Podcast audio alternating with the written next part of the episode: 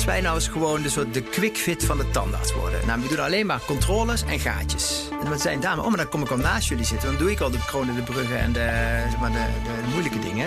En toen zaten mensen, ja, maar wacht, oh, dit is niet de bedoeling, want dit komt wel eens werken. dat is wel slim. Je kunt er gewoon een quick fit maken van, uh, van de tandartsen. Goed, we gaan beginnen.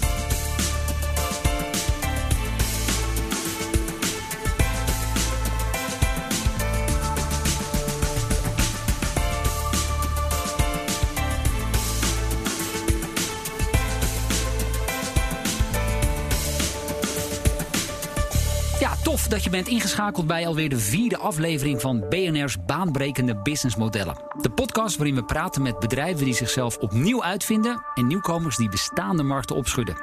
Ik ben John van Schagen en het is een van de gouden podcastregels: frequentie, frequentie, frequentie. Maar dat we de afgelopen weken niet van de partij waren, dat was pure overmacht. Want het coronavirus had namelijk ook mij te pakken. Met als gevolg een paar dagen stevige griep en bijna twee weken thuis in quarantaine. Maar ik ben er weer, gezond en wel, fit als een hoentje en klaar voor een nieuwe aflevering. Met aan mijn zijde uiteraard weer Patrick van der Pijl, businessmodellen guru van Business Model Inc altijd mooi om zo aangekondigd te worden, hè Patrick? Ja, ik vind dat mooi om voor een modellenbureau te mogen werken. Ja, zo is dat inderdaad. En je hebt een gezonde kleur, dus ik neem aan dat het verder helemaal goed met je gaat. Ja, ik hoop dat na vandaag ook uh, ik niet het virusje van jou overneem. Nee, nee, nou, ik ben als het goed is immuun, eh, mensen. Dat, uh, dat hoop ik dan maar. Um, ja, we gaan vandaag praten met een gast die ik een, die ik een klein beetje ken al. Hij is actief, in ieder geval in een markt die ongelooflijk hard geraakt is door de coronacrisis. Maar eerst zoals altijd het 1-2'tje met onze partner Salesforce. Want zij stellen namelijk bedrijven van elke omvang en industrie in staat om te profiteren van nieuwe technologieën. Dan kun je denken aan de cloud, voice, maar ook kunstmatige intelligentie. Zo kun je namelijk op de meest effectieve manier verbinding maken met je klanten. Ook adviseert Salesforce bedrijven op het gebied van innovatie en groei om zo succesvol te zijn in het digitale tijdperk. Partner dus van deze podcast en daar zijn we heel blij mee, Salesforce.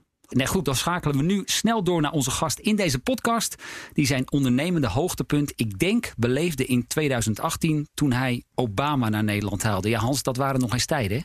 Ja, dat was een hele volle bak met mensen die heel dicht op elkaar zaten. In een heel, uh, ja. wel goed geventileerd, maar uh, redelijk krap zaaltje. Kun je ja. nog herinneren hoe dat ging vroeger? Want dat lijkt echt alweer een hele eeuw geleden. Ja, als je, nou, dat heb je nog steeds. Als je nu bijeenkomsten ziet of voetbalwedstrijden met mensen op elkaar gepakt, dan denk je, jongens, jongens, doe eens rustig. Ik heb gisteravond zitten kijken naar Paris Saint-Germain tegen Manchester United. Het is, we nemen deze podcast op woensdag op. En dan zo'n leeg stadion. En dat je gewoon elk. Het is. Het, het, nou, ik heb hem uitgezet. Ik kan er gewoon niet naar kijken.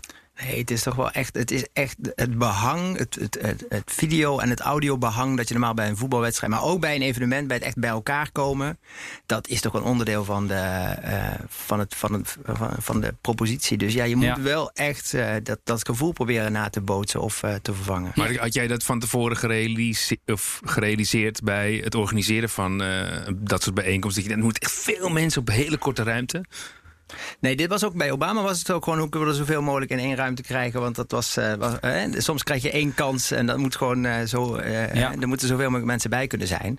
Maar het is, ik, het is wel zo, ook als spreker denk ik, is het super prettig om in een theater naar een, een, een soort muur aan gezichten te kijken. Dus het is ook wel goed. Ik merk zelf dat heel veel sprekers het liefst in het theater spreken, omdat ze dan 500 mensen voor zich hebben ja, op heel korte afstand. En dat ze liever niet bijvoorbeeld een platte zaal hebben waar het heel lang doorgaat en waar je de achterste rijen nooit meer ziet. Ja, of de dus, eerste tien rijen dat die dan niet gevuld zijn. Dat is ook zo'n doodzonde. hè? Dat doe je niet. Uh, we hebben je nog helemaal niet voorgesteld, bedenk ik me net. Want de mensen vragen zich natuurlijk af: wie is die eh, Hans? wie, wie, is Hans in, Godes, in Godesnaam?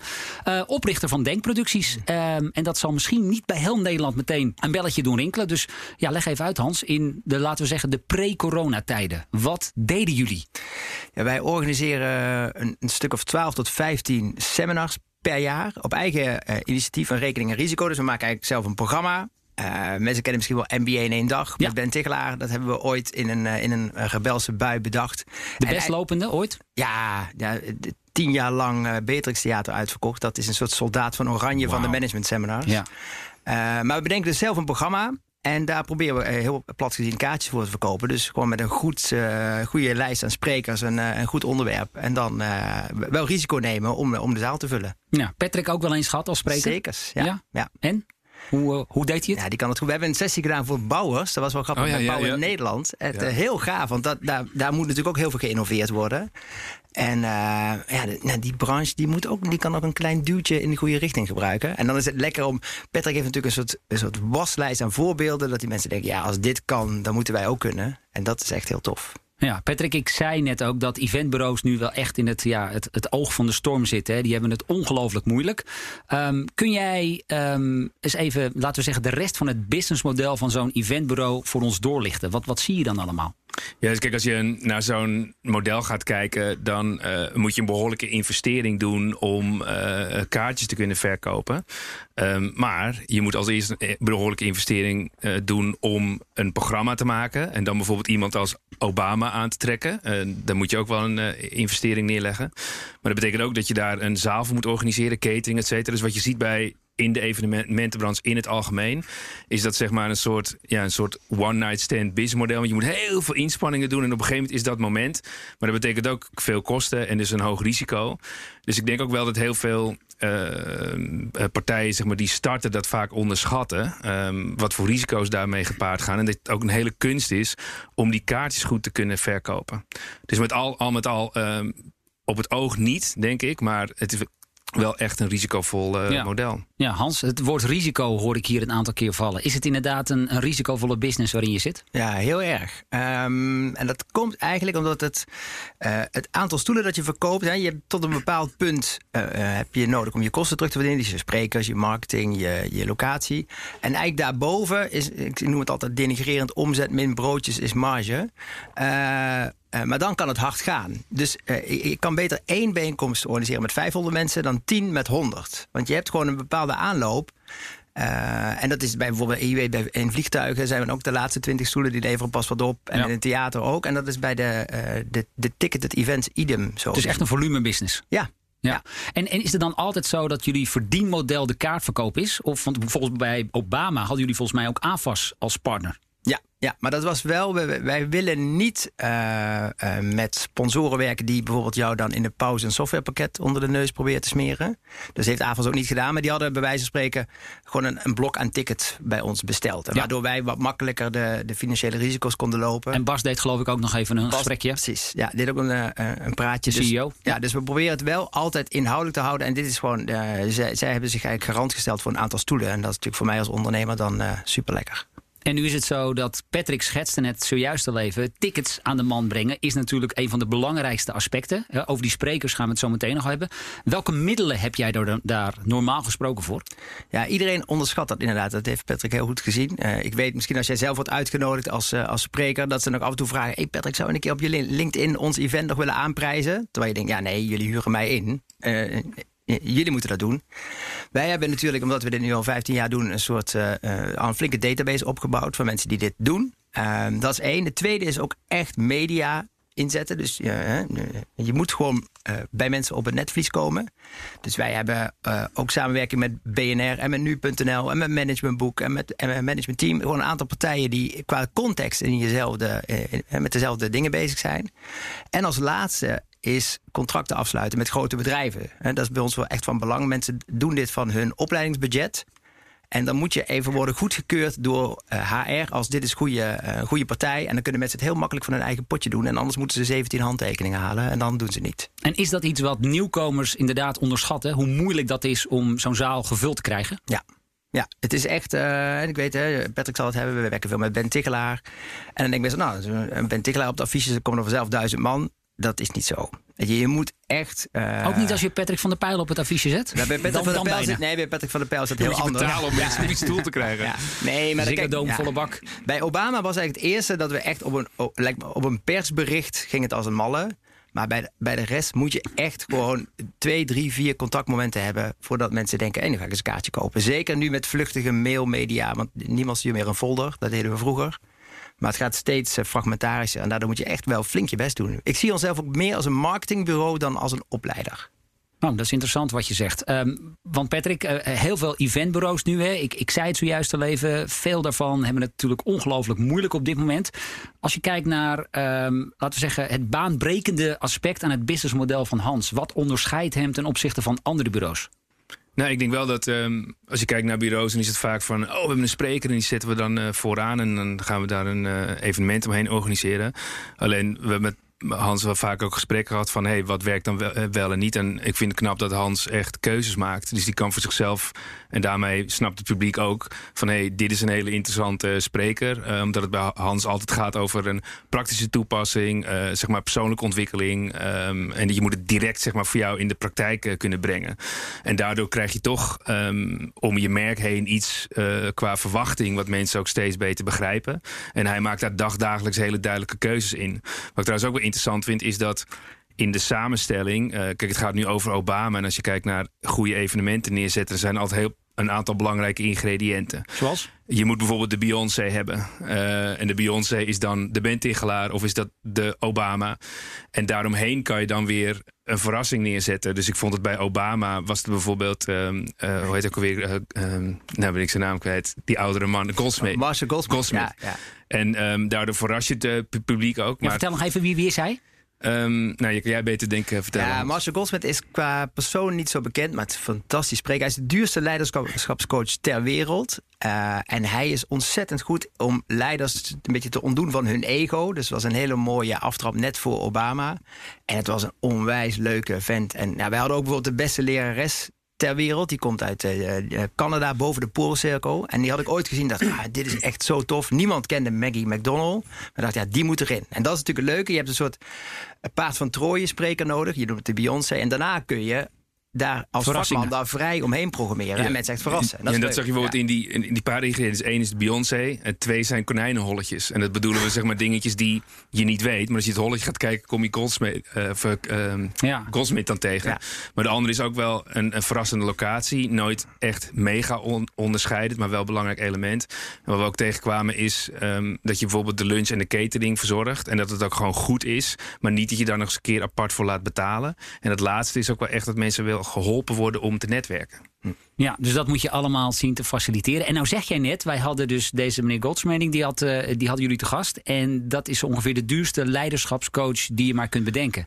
Uh, daar ben ik toch even benieuwd. Een uurtje zo'n iemand op het podium hebben. Waar praten we dan over? Misschien dat je geen getallen mag noemen, maar waar, waar, gaat, waar gaan we ongeveer, waar moeten we naartoe? Nou, internationale sprekers. Bij Obama kan ik, had ik goede onderhandelpower. Want uh, je kon een foto met Obama meenemen in het pakket. Maar meestal internationale sprekers, dat is, ligt tussen de 25.000 euro of dollar en tonnen. Ja. Afhankelijk van hoeveel boeken je verkocht hebt. Ja. Dus de internationale markt is best wel stevig. En zie je die, uh, ja, die kosten? Ja, op dit moment ligt dat natuurlijk grotendeels plat. Daar gaan we straks nog over hebben. Maar de afgelopen jaren zijn die kosten wel steeds hoger geworden? Nou, dat is ook net als met artiesten. Weet je, je hebt gewoon de winner takes all. Dus de top 10 is hartstikke duur. En heel simpel, hoe beter je onderhandelpower is, hoe, hoe meer je zorgen moet maken als organisator. Want dan is er blijkbaar toch nog uh, gaat in de agenda. Of dan is er nog ruimte om, uh, om iets voor elkaar te krijgen. Maar de echt goede. Ik vind het ook echt. bijvoorbeeld met Obama hadden we best wel van die gesprekken over. Ja, hoe kan dat nou dat je, dat je die moet betalen? Ik zeg, stel je voor hè, dat ik kaartjes ga verkopen. En die man die krijgt een boekenbon en een fles wijn. En ik, ik, ik word miljonair. Dat is toch niet eerlijk? Mensen komen toch voor hem? Weet je, Johan Cruijff heeft ooit, toen hij naar Feyenoord ging... een gedeelte van de seizoenkaartverkoop geclaimd. Omdat ze zei, ja, mensen komen nu voor mij. Ja. Dus ik vind het ook helemaal niet erg. Aan de andere kant, ja? Ja, ik zou je een voorbeeld geven. Ik was toen, uh, mocht toen naar Australië komen om uh, te spreken. Uh, en het was dan een tweedaagse waar ik dan een scenario planning workshop deed. En op een gegeven moment kwamen we eraan, allemaal voorbereid... en alleen mijn reiskosten werden vergoed. En ik sta daar. Ik was de enige die daarin geprogrammeerd was... met mijn collega's in Australië. Dus wij faciliteerden die twee dagen er zat 80 man in de zaal.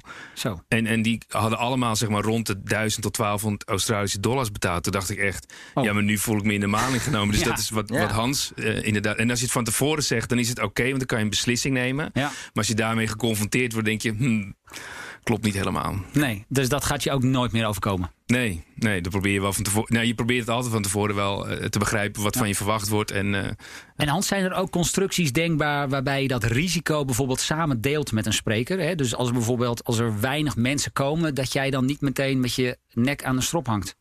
Ja, maar eigenlijk ook niet bij de top. Nee. Ja, uiteindelijk is het ook gewoon. Uh, als jij gewoon goed bent in je vak, en ik in, in, mijn geval in het vullen van zalen, en we hebben iemand op het podium die echt wereldwijd autoriteit is, en ik krijg de zaal niet vol, dan ligt het niet aan die autoriteit.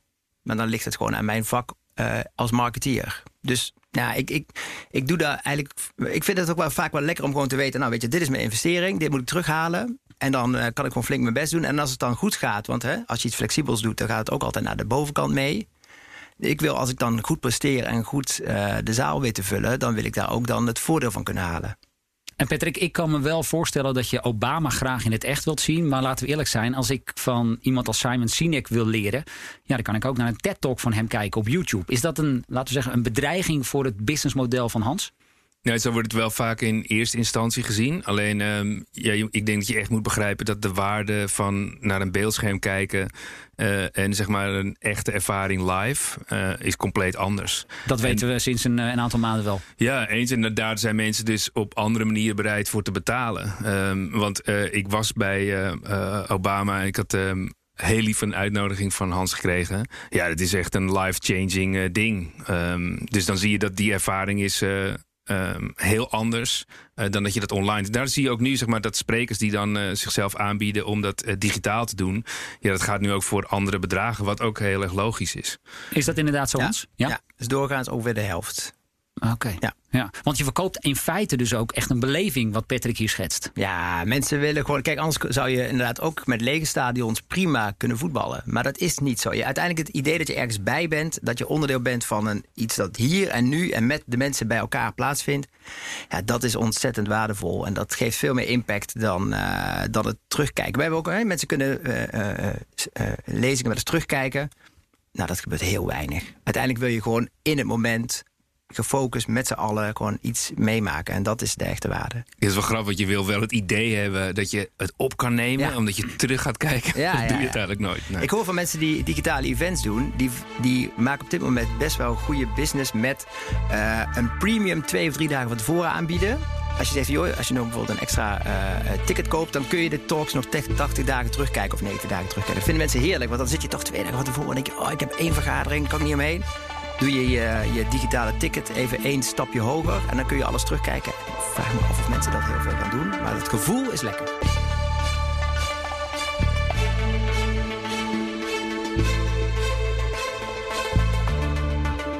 Goed, je luistert naar BNR's baanbrekende businessmodellen. De podcastreeks waarin we het businessmodel van bedrijven ontleden en ontrafelen. Mijn naam is John van Schagen. En ik ben Patrick van der Pijl. En onze gast in deze vierde aflevering is Hans Jansen. Die zojuist vertelde hoe hij er tot voor kort nog in slaagt om grote zalen te vullen. Maar goed, het coronavirus laat zich voorlopig nog niet terugdringen. En dus kijkt hij ook nu naar heel andere manieren om zijn bedrijf draaiende te houden. En er komen er soms heel verrassende ideeën naar boven drijven. Dat horen we zo meteen. Eerst is het tijd voor onze wekelijkse rubriek. Wat komt er nu weer uit de oude doos? Elke week gaan Patrick en ik terug naar een bijzonder moment, een speciaal persoon of grappige anekdote uit het verleden rondom het thema van deze reeks, businessmodellen. En Patrick, jouw moment of jouw event is eigenlijk, want daar gaan we het over hebben, de Vrienden van Amstel Live. Ja, ik dacht we moeten wel in de events blijven. En in, ja. uh, op 15 januari 1998 begon onder de titel De Heren van Amstel Live, um, uh, zeg maar de show. En dat kwam omdat um, dat was een typisch Hollands Bruin Café aan het Torbekkenplein in Amsterdam. Ik denk vast wel bij jullie bekend. Zeker. En het eerste programma werd gepresenteerd door uh, Barry Hay, uh, notabene. Van de Golden Earring? Ja, en uh, dat werd er later overgenomen. En het waren zeg maar wat een soort reizend circus. Maar uiteindelijk um, werd het Vrienden van Amstel live. En in... Um, sinds 2010 werken ze samen met uh, Tribe, uh, zeg maar onder leiding van uh, Nieuw van Hof. En wat ik tof vind aan dat model is dat het in een jaar tijd, zeg maar een jaar van tevoren, binnen een dag is uitverkocht. En het bijzondere aan het businessmodel is, uh, dat heeft Neil me destijds uh, uitgelegd, is dat in januari gebeurt er geen klap. Dus al die artiesten hebben niks te doen. Um, ze programmeren dat 10 of 12 dagen achter elkaar. En ze zeggen dan bijvoorbeeld tegen de artiest: Jij mag gewoon je familie en je vrienden allemaal meenemen. Uh, dus voor hen is het veel leuker om te doen. En ze doen een programmering die je nergens anders ziet. Dus qua businessmodel echt heel slim bedacht. Ja, mooi. Ik ben er zelf nog nooit geweest, maar ik hoor er inderdaad altijd hele goede verhalen over. Ja, het is echt fantastisch. En ik denk, ik ben wel benieuwd wat Hans daarvan vindt. Maar wat ik knap vind, is dat zij toen vrienden van Amstel. Dus je koopt nooit in je uppie een kaartje, volgens mij. Ja, ja precies. Ja. Nou, ik vind dit wel. Uh, uh, dit was vorig jaar en gaat komend jaar ook weer op, hoog op de agenda komen. Ik wil een, een business variant daarvan maken. Ik ben, zijn een paar jaar geleden ben ik naar Nordic Business Forum geweest in Finland. Daar kwam Jim Collins spreken. Nou, die wilde ik gewoon een keer gedaan hebben. Uh, en Arnold Schwarzenegger, ook heel interessant. Wow. maar uiteindelijk wel baas geweest van de vijfde economie ter wereld, hè, acht jaar. Sir Alex de staat Californië uiteraard. Ja, precies. Ja. Ken Robinson, de man van de best bekeken TED Talk ooit. Dat was gewoon twee dagen alleen maar headliners. Ik zat er met 7000 mensen in de zaal in Finland. Dus een beetje heel Finland zat daar qua ondernemers. En ze hadden ter plekke daar, kondigden ze de, kondigden ze de nieuwe editie aan van Ja daarna. Dus de line-up al bekend. En je kon ter plekke je kaartje kopen. En 80% van de mensen deed dat. Toen dacht ik, dit is slim. Heel vet. Dus dit wil ik ook. Ja. Is, is het een idee wat nu nog in je hoofd zit? Of ben je al wat eh, op papier aan het schrijven? We waren eh, onderhuids een beetje bezig met de voorbereiding. Eigenlijk als opvolger van, van het Obama-event. Ik moet elk jaar gewoon een event kunnen zijn voor 3000 man. Alleen maar headliners. Gewoon, zeg maar, Pinkpop of Lowland, maar dan zonder de vooracts. Wow. Alleen ja, dat is wel eventjes. Uh, maar dan zou je bijvoorbeeld een, een, situatie gaan dat de een uh, de ander gaat interviewen en dat de onderwerpen gewisseld worden. Want dat is eigenlijk wat um, uh, waar Vrienden van Amstel ook voor staat. Natuurlijk. Ja, ja, precies. Ja, maar stel je voor dat je Lowlands hebt met alleen maar hoofdacts, dat is ook al een heel ding. Ja. Zij hebben inderdaad het concept ook nog echt aangepast. Dus naast dat je, als je naar de line-up kijkt, dan zie je gewoon alle Nederlandse artiesten die je zou willen zien. Maar ze hebben ook nog de vorm aangepast. En dat is volgens mij dan voor ons misschien wel fase 2. Maar eerst eens eventjes zo'n super headliner eh, event maken. Dat lijkt me ook tof. Ja. Even kijken naar de oude doos, hè? want uh, jij komt ook nog aan de beurt. Ja, ja. Uh, en mijn moment um, is in 2001. Um, ehm, want dat was namelijk de allereerste keer dat ik naar een, een dancefestival ging. Zijn jullie ooit wel eens geweest? Een IDT-productie of ja? UDC. En dat was destijds uh, Dance Valley. 90.000 bezoekers. Uh, dat was alleen die editie dat het op het einde niet helemaal goed afliep. Omdat er allemaal onderkoelde mensen uh, waren. En die konden niet op weg. de snelweg. En, op de snelweg. Regen, ja. onderkoeld. Ja. Heel veel kritiek toen op de organisatie. Maar dat was ook nog wel echt uh, event oude stijl. Hè? Want zij kochten iets exposure destijds hè, via bladen, websites en radiostations. Gewoon een kwestie van zoveel mogelijk kaarten verkopen. Uh, en als je dan kijkt naar het businessmodel van de IDT's van deze wereld van nu, dan ziet die er toch wel, uh, dat ziet er toch wel heel anders uit. Want naast tickets, eten en drinken is, en merchandise uiteraard, is dat nu ook vooral licenties op content, sponsoring. Je ziet allerlei merkintegraties. Samsung met Sensation, al een flink aantal jaren hebben die samengewerkt. En draait dus uh, allemaal om data. En, en in dat businessmodel staat dus de relatie met de klant nu echt centraal. Niet alleen tijdens het event zelf, maar vooral ook ervoor en erna. En ik vind het ook wel mooi om te zien hoe vooral ook de Nederlandse ja, sector daarin toch ook wel het voortouw neemt. We spelen daar echt wel een, eh, een mooie dominante rol. Goed, um, Hans Jansen. Hij is deze week uh, onze gast in BNR's baanbrekende businessmodellen. En Hans, we gaan het hebben over de coronacrisis. Want uh, ja, die hakte natuurlijk ook in jouw business uh, behoorlijk in. Jij spreekt ongetwijfeld uh, regelmatig met collega-eventbureaus. Hoe lang houden zij het nog vol? Ja, ik heb vooral Kijk, wij, wij zijn een clubje van, van zes mensen. Dus we hebben zes FTE's, we hebben een kantoortje en we hebben niet zoveel overhead. Maar je hebt ook echt partijen, dus als onze techniekleveranciers, de theaters, de echt kapitaalintensieve clubs. Ja, die hebben natuurlijk eind van de maand echt wel flinkere rekeningen te betalen dan die wij hebben. Dus waar wij ook met gewoon het aanpassen van ons productaanbod en nu wat meer in company gaan doen en nieuwe modellen ontwikkelen, is mijn risico natuurlijk te overzien. Is maar zes salarissen en een huur en wat softwarepakket maar inderdaad, als jij uh, 10.000 uh, vierkante meter met, met beamers of met, met, met standmateriaal op staan, dan heb je natuurlijk zwaardere rekeningen ja, te dragen. Ja, want er zijn al wel hier en daar wat reorganisaties aangekondigd. Maar zie jij ook faillissementen, ehm, laten we zeggen, op ons afkomen? Ja, maar dat is dan vooral in de, in, in de catering, in de, in de techniek en in de locatiehoek. Gewoon de, de, de, de partijen waar echt veel uh, maandelijkse kosten zijn. Ja. En, en, waar je gewoon ook van weet, ja, dat gaat voorlopig echt niet terugkomen. Nee, want we zitten nu in een soort lockdown light. Um, half maart was die persconferentie. En ik geloof dat jij toen onderweg was naar een event. Hè? Ja. En, en, toen weer even rechtsomkeerd moest maken. Ja, dat was wel interessant. We hadden een avondcollege. Dat zijn wat kleinere events met ongeveer 100, 150 man. We hadden eigenlijk maar 90 deelnemers, maar het was bij, bij AFAS, onze zeg maar, bevriende organisatie. En we zeiden, joh, jullie hebben 120 stoelen in het theater bij jullie. Weet je, vul ze maar af naar 120. Hè, met collega's, hartstikke leuk. En toen bleek dat alle evenementen boven de 100 niet door mochten gaan. Dus, ja, daar ga je. Dus we zaten letterlijk in de auto en moesten iedereen afbellen. En ik weet ook niet of het, of het prettig was geweest om hem door te laten gaan als je ter plekke hebt gehoord dat hè, als je met 90 mensen bij elkaar zit, voelt dan ook niet meer comfortabel. Dus ik ben ook wel, ja, en daarna gaat het inderdaad uh, als een malle uh, iedereen benaderen, doorschuiven, nieuwe plannen maken en, uh, en nieuwe kansen bedenken. En Patrick, dan ben je een bedrijf, je bent ondernemer en ineens ligt je hele businessmodel in de prak. Wat dan? Ja, dat is wel een lastige situatie. Dus je krijgt wel steeds vragen van uh, hoe kunnen wij ons businessmodel transformeren. Maar als je echt vraaguitval hebt, wat eigenlijk nog bepaald is door de overheid, ja, dan uh, kan je niet van de een op de andere dag uh, veranderen. Nee. En hoe vind je dat Hans dat heeft aangepakt? Ja, nou, ik, ik, ik heb Hans zeg maar fysiek uh, heel lang niet gezien, maar dat, dat voelt helemaal niet zo. Want uh, Hans komt elke keer wel ergens uh, voorbij op, uh, via social. Ja. Maar ik vind het wel buitengewoon leuk. Omdat je. Um, ik zie ook andere evenementenbureaus en die doen dat niet. En daar heb je toch het idee van: hey, hoe gaat het dan met ze? Wat zijn ze eigenlijk aan het doen? En wat Hans heel goed doet, is dat hij je meeneemt op reis. die heeft ook niks te verbergen. Die zegt van: hé, hey, we zijn nu dit aan het doen. En nou, stel je dat wij um, een evenement gaan organiseren. hey, we hebben bureaus gevraagd om een ontwerp te maken voor de sitjes. En dan denk je allemaal: ja, maar dat is echt obvious, dat is logisch.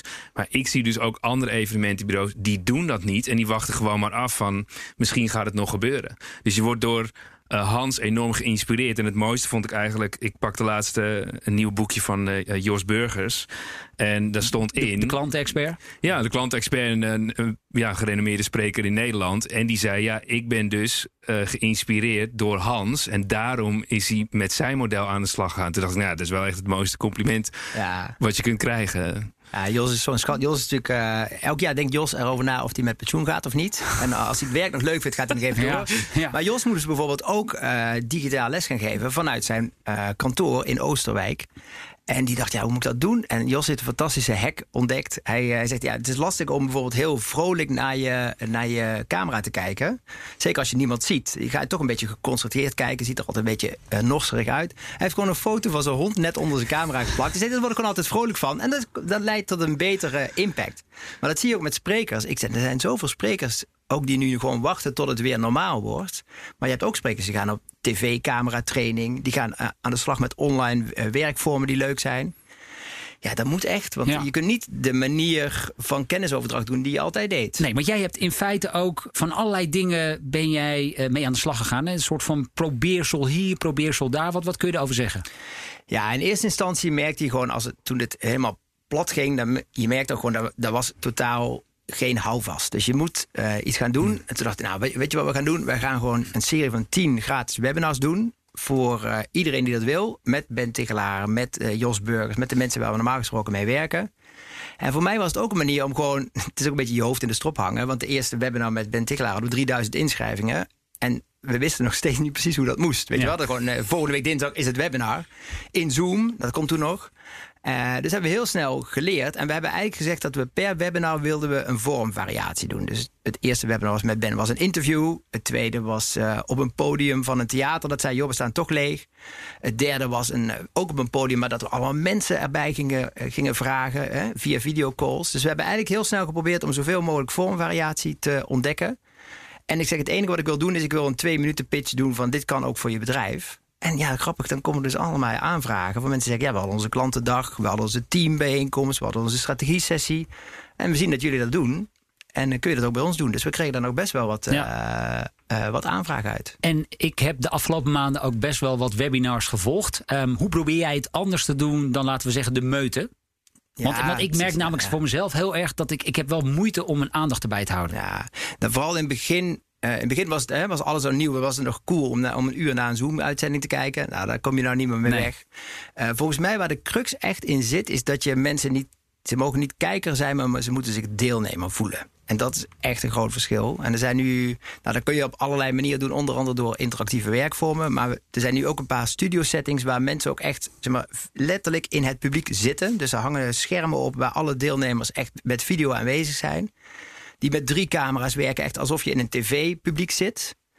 En we zien mensen in het begin van de uitzending zitten ze een beetje achterover. Af en toe zie letterlijk een kat over schoot lopen. En maar gedurende dat eerste uur gaan mensen al naar voren zitten. En aan het eind van de rit zit iedereen strak in die camera te kijken. En denk ja, dan is iedereen gewoon betrokken. Ja, er moet iets gebeuren. Ja, en je moet het gevoel hebben dat je er wel bij bent. Wat Patrick ook al zei. Want, en op deze manier ben je er toch een beetje bij. Want je ziet jezelf in het publiek zitten. Ja, en Patrick, is zo'n webinar, um, is dat nou in de essentie uh, hetzelfde businessmodel als een regulier event? Of komen daar toch wel heel andere aspecten bij kijken? Ja, je, je, hebt een andere um, uh, investering. Dus bijvoorbeeld, uh, vorige keer was um, uh, Ralf van Vechten hier gast van NP Media. En dan zie je eigenlijk dat het niet meer een event, eventlocatie is die je moet huren, inrichten en vol moet hangen. Maar dat het uiteindelijk een virtuele omgeving is. Ja, dat kost ook tijd, of, tijd en geld om te bouwen en te ontwikkelen.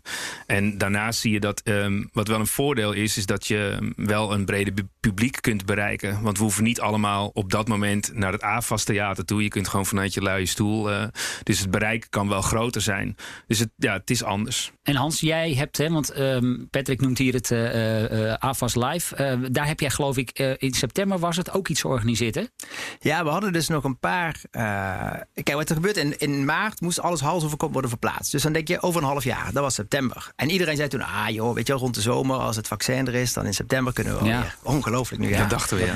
En, maar ja, dan wordt het op een gegeven moment september. En dan hebben mensen hebben al uh, hun kaartje gekocht of hun budget ingezet. En als ondernemer, dat weet je ook wel, het is niet zo fijn om uh, minder omzet te krijgen, maar omzet moeten terugbetalen. Dat, oh, voelt, dat, dat doet pijn. voelt een beetje, een beetje oud. dat doet pijn. dus toen dachten we, ja, we hadden nog twee programma's staan waar we iets meer dan 100, uh, 150 mensen voor hadden. En toen dachten we, ja, we gaan gewoon de allervetste anderhalve meter uh, opstelling maken die er is. Dus ik heb AVAS Live gebeld of zij de hele vlakke vloer leeg konden halen. er stonden 2200 stoelen in, die moesten allemaal weg. En toen hebben we inderdaad een competitie uitgeschreven voor event designers. Van maak voor ons de anderhalve meter skybox. Dat was de briefing. Dus het moest letterlijk zijn een stoel met een tafeltje, een poefje, een plantje. Uh, we hadden zelfs nep goudvissen. Ik heb die ontwerpen ja. gezien uh, op LinkedIn. Ja, Fantastisch. Maar een nep goudvis maakt het verschil. dat is gewoon top. Ja. Nep goudvissen. Ja, ja, maar gewoon dat je het gevoel hebt. Uh, mensen kwamen binnen en ik heb, ik heb ook een zoontje. En de eerste keer dat ik met hem naar een voetbalwedstrijd ging in een vol stadion. Hè, dan zie je die ogen als ze dat stadion inlopen van wat is dit?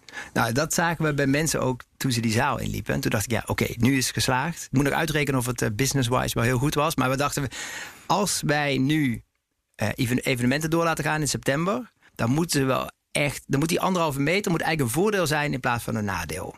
En dat is echt wel gelukt. Ja, nou inmiddels kan dat helaas niet meer. Nee. Uh, dus ik neem aan, nu stort je wel, zeg maar, de, de lopende business is allemaal op het gebied van webinars, klanten, events, online uiteraard. Ja, ja, dus we doen nu een aantal. Uh, we hadden dit na, najaar vijf internationale mensen uh, die naar Amsterdam zouden komen. Van Seth Godin tot Duncan Wardle, het hoofd van uh, innovatie van Disney.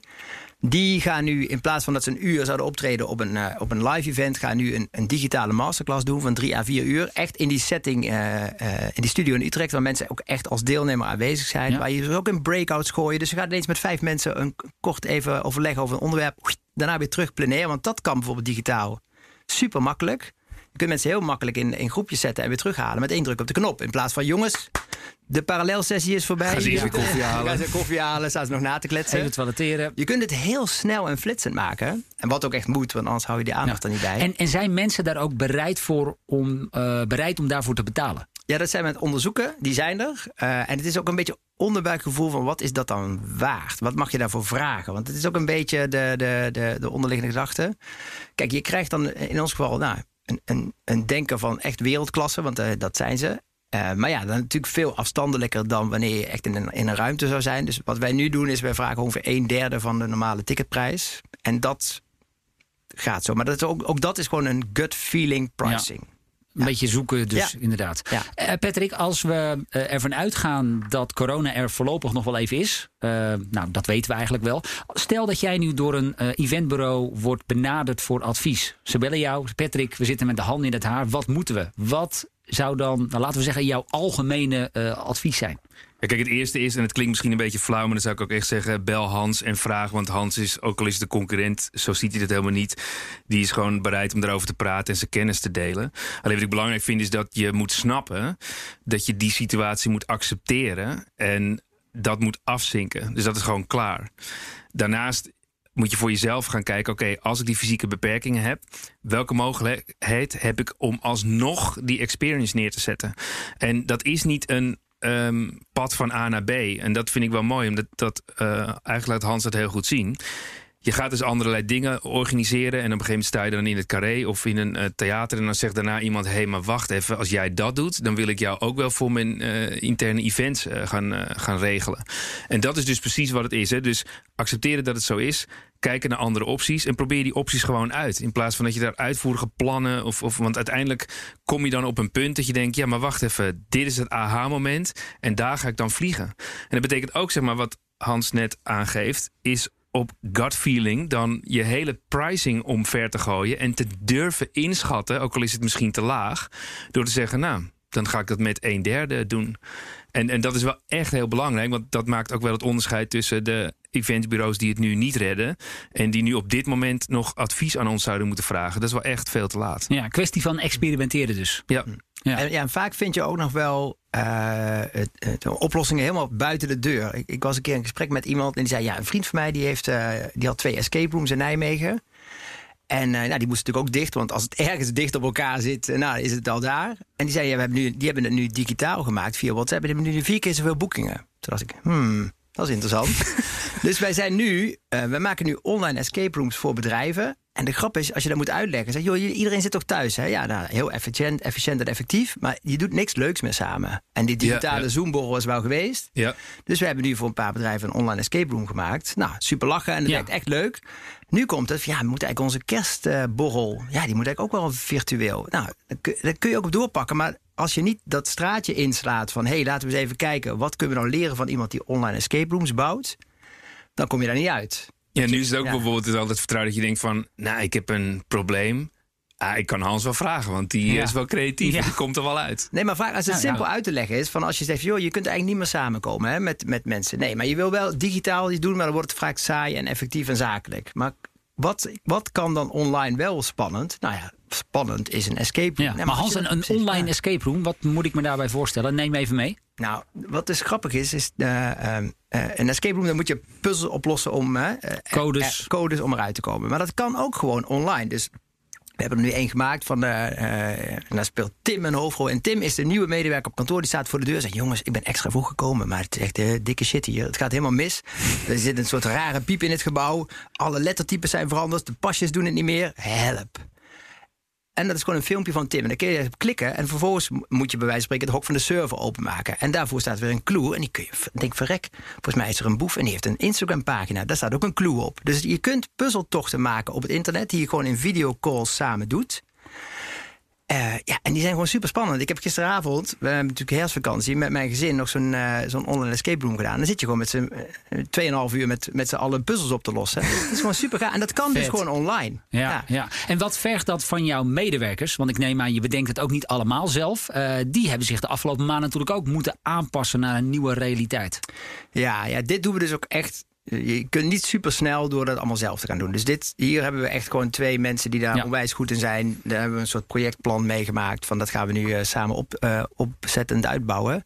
Maar voor je bestaande evenementen ook. Hè, wij zijn normaal, dit is een ticketed en marketingbedrijf. En doen nu best wel veel uh, producties in huis. En dan heb je eigenlijk veel meer projectmanagement, accountmanagement voor nodig. Want het, wij doen 12 tot 15 seminars per jaar met zes man. En dat komt gewoon omdat wij precies weten wie wat moet doen. Maar als je bij een klant zit, dan moet je zes keer een locatiebezoek doen. En dan moet je de spreker twee keer zien. En dat gaat natuurlijk veel moeilijker. Maar dan wordt jouw agenda ook niet bepaald door je eigen prioriteiten. Maar door je klant. Die zegt, ja, maar ik betaal jullie toch. Dus dan gaan we het toch doen. Dus daar moet ik heel erg aan wennen. Ja. Klantgericht zijn en met een grote klim. Nou, dat kan wel, maar je moet even gewoon een paar keer begrip hebben voordat het wat langer kan duren. Je aanpassen, inderdaad. Maar bijvoorbeeld, één vraag nog voor jouw team, hè, dus met uh, zes man. Zie je dan ook um, dat sommigen helemaal niet zo van het innovatief zijn en denken van nou Hans, uh, als het één keer geregeld is, dan wil ik het wel uitvoeren, maar vraag me niet om het allemaal te bedenken. Ja, maar dat hoeft vaak ook niet eens. Weet je wat vaak het leuk is, het eerste gewoon uh, met z'n tweeën te doen. Dus dan, dan draaien we mee en dan neem je iemand mee uh, in het projectteam. En de tweede keer zeg je, nou, nou, dan, kan, nou snap ik het ook wel. Want mensen zijn vaak heel goed in uitvoering en moeten vaak even voelen van wat, wat komt er allemaal bij kijken, wat betekent dit voor mijn rol. En dan kun je best wel snel iemand erop zetten. Als de mensen goed zijn, dan kunnen ze echt wel uh, snel. Uh, ze vinden het ook leuk ja, het is ook wel weer een echt een andere manier. Je werk is totaal anders dan een half jaar geleden. Ja. Hoe zie jij de toekomst van jouw branche? Want er komt ooit weer een post-coronatijd. Gaan we meer naar een soort hybride evenementen, deels op het podium, deels online? Of wordt het weer zoals het vroeger altijd ging? Nou, nee, dat laatste denk ik echt niet. Uh, want we hebben natuurlijk nu wel de snelste cursus digitalisering ooit gehad met z'n allen. Dus wat ik denk, kijk, uiteindelijk voel je ook wel de, de, de, de mensen noemen dat ooit huidhonger, van een beetje een plastische begrip. Maar je wil uiteindelijk weer bij elkaar komen. Maar je gaat dadelijk natuurlijk evenementen krijgen waarbij je, misschien begin je wel met z'n allen bij elkaar. Maar daarna, en dat is natuurlijk ook grappig, uh, uh, bij Obama of bij de andere dingen zit je met duizenden mensen bij elkaar die allemaal dezelfde interesse hebben. En die ook daarmee met elkaar verder willen. Maar het, is, het was altijd een one-shot. Weet je wel? Negen uur erin, vijf uur naar huis. Als je dat kunt verlengen met wat, na, hè, wat extra uh, uh, nazorgmateriaal, met wat meer netwerk, zodat je met elkaar aan de slag kan. Dat kan natuurlijk super makkelijk digitaal. Daarmee kun je volgens mij de waarde onwijs vergroten, zonder dat je daar heftig nog een tweede of een derde sessie voor moet gaan organiseren. Maar zou je dan bijvoorbeeld, um, als je naar hetzelfde evenement van Obama kijkt, hoe zou je dat nu in dit tijdsgevricht of in de nabije toekomst organiseren? Nou ja, stel je voor dat je dan. Uh, uh, dat ging echt over een andere vorm van leiderschap. Stel je voor dat je. Nou, ik wil er echt wel mee door. Dan, en, en dan kom je daarna weer op kantoor. En dan zeggen ze: Nou, hoe was het bij Obama? En vervolgens ga je weer in je, sta, in je, in je routine schieten als je dan een soort klankbordgroepje hebt waar je elke week mee kan bellen of kan videochatten van joh, hoe zit het nou bij jou? Ja, ik vind het wel lastig om Piet mee te krijgen of om Truus. Dat zou natuurlijk super tof zijn. En als je dan die, die, die talks terug kan kijken en bijvoorbeeld met elke spreker nog een keer uh, een opname doet van joh, als je nou morgen kantoor bent, probeer eens dit uit. En als het een beetje tegen zit, doe eens dat dat ook nog in een, uh, in, in, een soort kringetje met mastermind groepen gooien. Nou, volgens mij kun je daar veel meer impact krijgen dan die ene inspiratieshot van één dag. Moet je geloof ik ook wel weer andere afspraken maken met je sprekers. Want van Obama is echt niks te vinden op internet hè, tijdens nee. dat event. Nee. Dat was geloof ik ook, dat, dat zal niet, ja, dat nee. zal zo zijn afgesproken. Nee, maar de meeste sprekers, ik denk dat Patrick dat ook wel mee eens is. Wat wij altijd leukst vinden, is om met de spreker nog bij het afbouwen, als het podium half leeg is, nog eventjes vijf video's op te nemen. En dan kun je bij wijze van spreken zeggen, nou, we gaan maandag, dinsdag, woensdag, donderdag vrijdag jou nog helpen. En geef gewoon tips mee van, joh, weet je, één ding, probeer eens dit. Eén ding, ga, bel eens drie mensen. Eén, pak eens een half uur in je agenda en ga eens nadenken met drie collega's die je vertrouwt over deze vraag. Dat alleen al helpt heel erg, want mensen zijn ook vaak hoe meer inspiratie, hoe meer frustratie is het ook vaak. Hè? Je gaat om vijf uur naar huis denken, nou, ik ga de wereld veranderen nu. Ja. En dan kom je maandags op kantoor en denk je, damn, dat is nog niet zo makkelijk. Nee. Dus als je dan nog hulp kunt bieden met de mensen die, die op het podium hebben gestaan. En dan is Obama niet het goede voorbeeld, maar alle andere sprekers is dat vrij makkelijk mee te regelen. Dan kun je qua waarde zoveel meer toevoegen dan, uh, dan alleen die, die, die eendaagse trigger. Dat kan echt. We gaan zien hoe zich dat uh, gaat ontwikkelen.